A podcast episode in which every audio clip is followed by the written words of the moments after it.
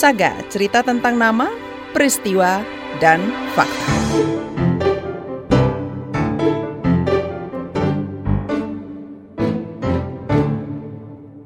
Cirebon adalah salah satu zona merah radikalisme di Jawa Barat. Nahdlatul Ulama setempat memakai kesenian tradisional untuk menangkal penyebaran paham radikalisme.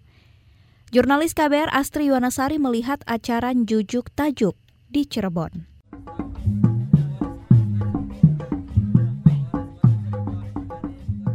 Tarian Ronggeng Bugis membuka pertunjukan malam itu. Di dekat musola di Desa Bulak, sekitar satu jam berkendara dari pusat kota Cirebon.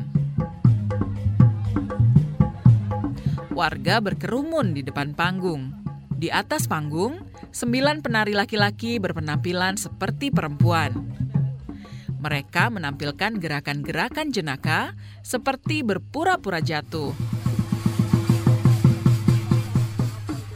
Menurut pelatih tari Dodi Yulianto, tarian ini sangat erat kaitannya dengan sejarah Cirebon. Tari ini sebenarnya uh, tari yang justru menceritakan tentang pasukan Telik Sandi ataupun intelijen atau spionase era Sunan Gunung Jati yang diterjunkan dalam berbagai peristiwa penting uh, yang pernah apa pernah dilewati dalam sejarah Cirebon seperti penaklukan Banten, penaklukan Sunda Kelapa, Talaga, kemudian juga daerah uh, Raja Galuh Majalengka.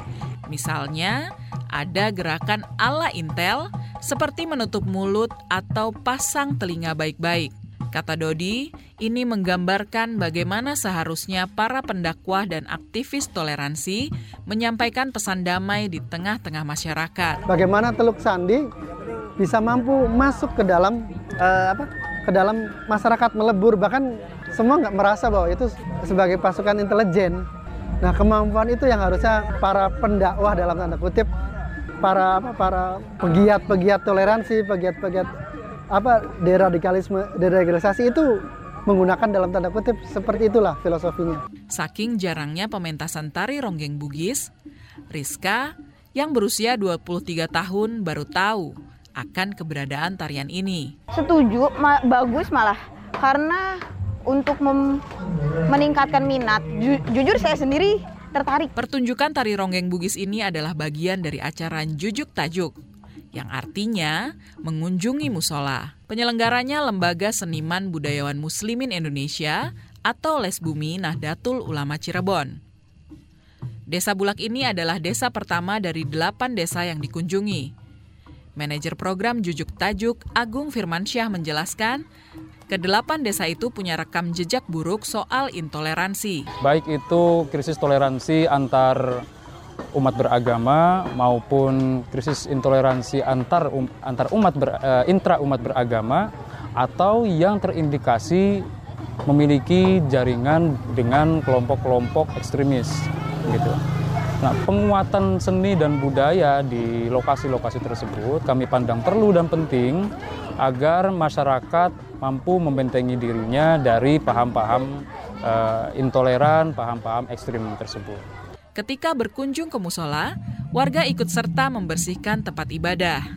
Ketua Pengurus Cabang Nahdlatul Ulama atau PCNU Kabupaten Cirebon, Aziz Hakim Sairozi. Tajuk yang menjadi ikon dalam tanda kutip adalah sarang gerakan eh, radikalisme. Karena mereka juga biasanya menguasai eh, tajuk-tajuk dan kemudian menguasai masjid-masjid. Maka kita perlu menghubungkan bagaimana tajuk ini berfungsi seperti fungsi waktu zaman Sunan Gunung Jati.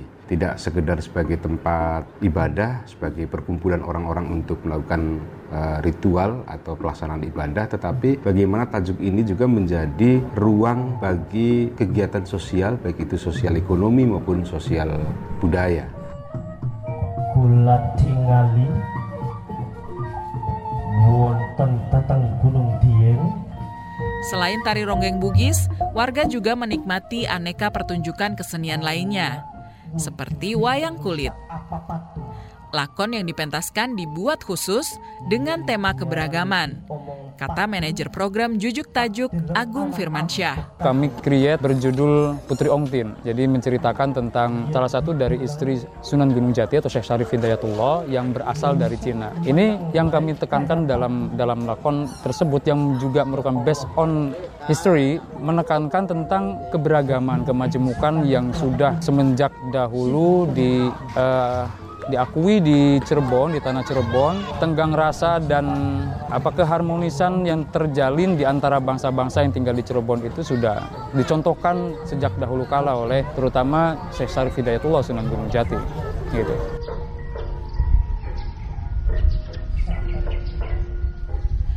Provinsi Jawa Barat adalah juara bertahan untuk kasus intoleransi di Indonesia.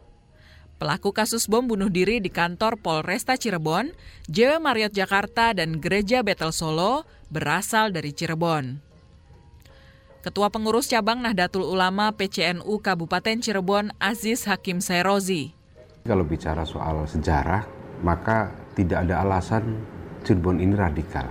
Tidak ada alasan Cirebon ini intoleran. Karena para kesultanan kita dan terutama Sunan Gunung Jati itu sudah memberikan contoh di tengah-tengah masyarakat Cirebon bahwa antar masyarakat baik perbedaan agama, perbedaan suku maupun perbedaan bahasa ini bukan menjadi persoalan. Kota Cirebon yang strategis di pesisir utara Jawa membuat banyak orang singgah. Akibatnya, Cirebon rentan terhadap masuknya gagasan radikalisme.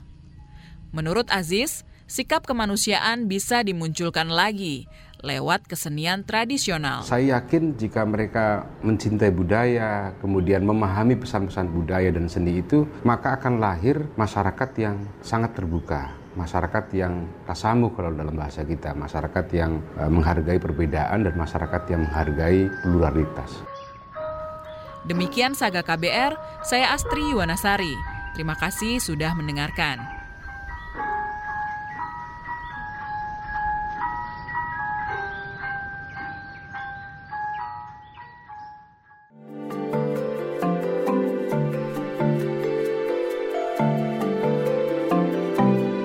Saga, cerita tentang nama, peristiwa, dan fakta.